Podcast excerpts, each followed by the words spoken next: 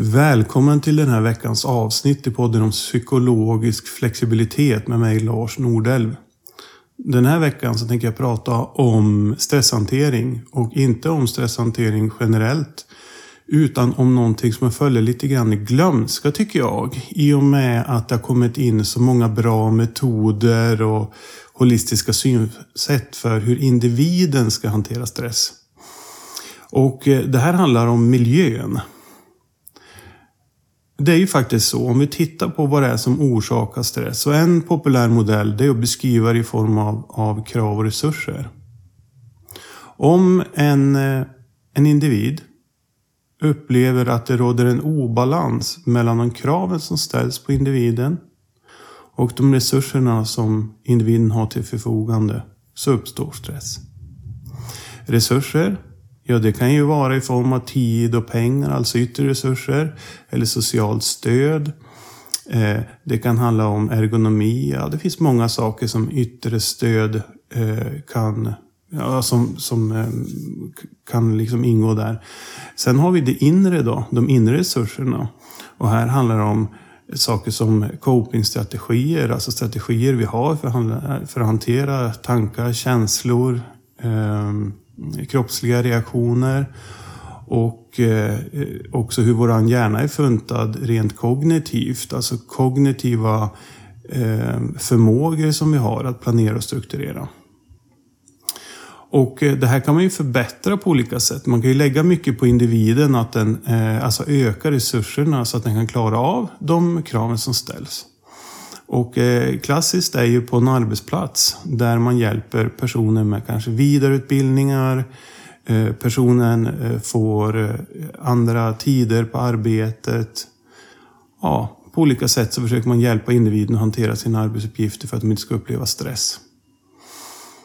Men det jag tycker mig ändå se, om jag ser på klienter som kommer till mig som vill ha hjälp med stress, det är att de tänker att mer är bättre.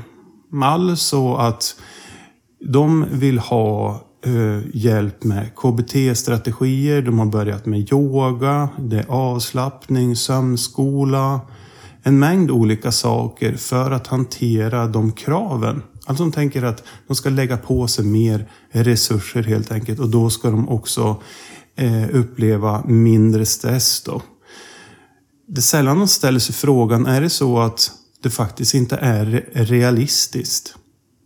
Alltså att de kraven som ställs på mig, exempelvis på arbetet, att eh, de kraven och vad jag kan prestera, det går inte ihop. Ehm, och det där kan ju smyga sig in till exempel hos en chef. En chef tänker att en medarbetare ska göra någonting på en viss tid. En arbetsuppgift. Vi tar det. Det är ett bra exempel. Men tittar man på det där så finns det ingen det finns liksom ingen, inga realistiska förutsättningar för att det där ska ske, men det ska ändå ske. Och då brukar man prata om magiskt tänkande. Alltså det här tomrummet mellan fantasi och verklighet då, då ska det lösas med magi. Och det där kan ju också medarbetaren syssla med. Den kan, den kan intala sig själv att det är den som det är fel på. Det är den som borde förändra sig. Det är den som borde skaffa sig mer resurser. Men tänk oss att vi har liksom ett löpande band. Och eh, här så har vi då en person som ska kontrollera. För, för enkelhetens skull så ska den kontrollera mjölkpaket. Det kommer två mjölkpaket i minuten. Det fixar den galant. Det kommer fyra, det börjar bli lite svettigt. Det kommer sex. Då börjar det bli mer och mer misstag. Och så lägger man till en ytterligare en, en sak och det är att personen ska hålla koll på ett annat löpande band med mjölkpaket som en, eh, ny anställd eh, ska jobba på. Och det här blir bara kaos. Eh, det blir jättejobbigt och stressen blir jättehög. Sen så har vi också en tredje medarbetare och den har inga problem alls med det här den upplever att det här är väldigt hanterbart. Och det beror ju inte på att det är fel på någon. Det beror på att vi människor är olika. Men inom arbetslivet så är det mycket svårt att tillämpa individuella skillnader och se det. Framförallt är det svårt att se till exempel saker som, som eh, inte är synligt för blotta ögat. Det som handlar om hjärnan till exempel. Och hur hjärnan liksom skiljer sig och våra förmågor med hjärnan eh, är olika. Så att det här brukar ju inte alls bli bra ibland.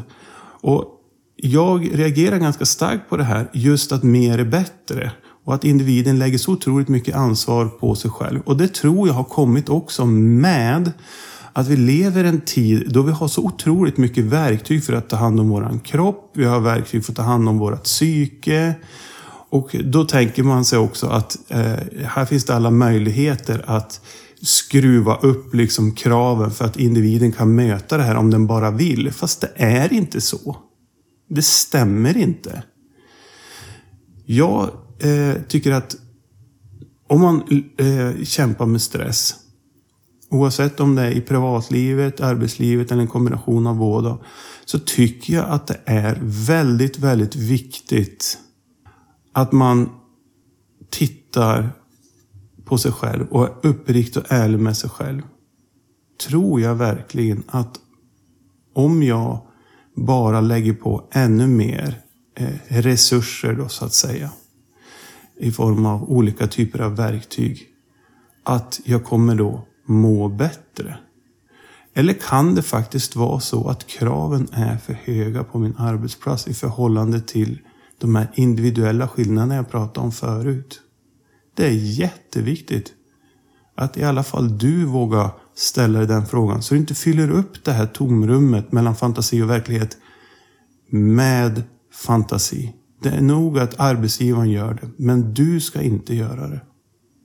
Det vill jag skicka med den här veckan. Jag hoppas att du får en trevlig helg. Gå gärna in på Nordel och kika där på mitt Instagram. Eh, du får också titta på min hemsida nordel.se. Skriv gärna till mig om du har några frågor om stress, för det har jag ganska bra koll på. Så kanske det är någonting som jag kan svara på. Eller så kan jag ja, kanske hänvisa dig vidare till de som kan det ännu bättre. Ha det så bra. Hej!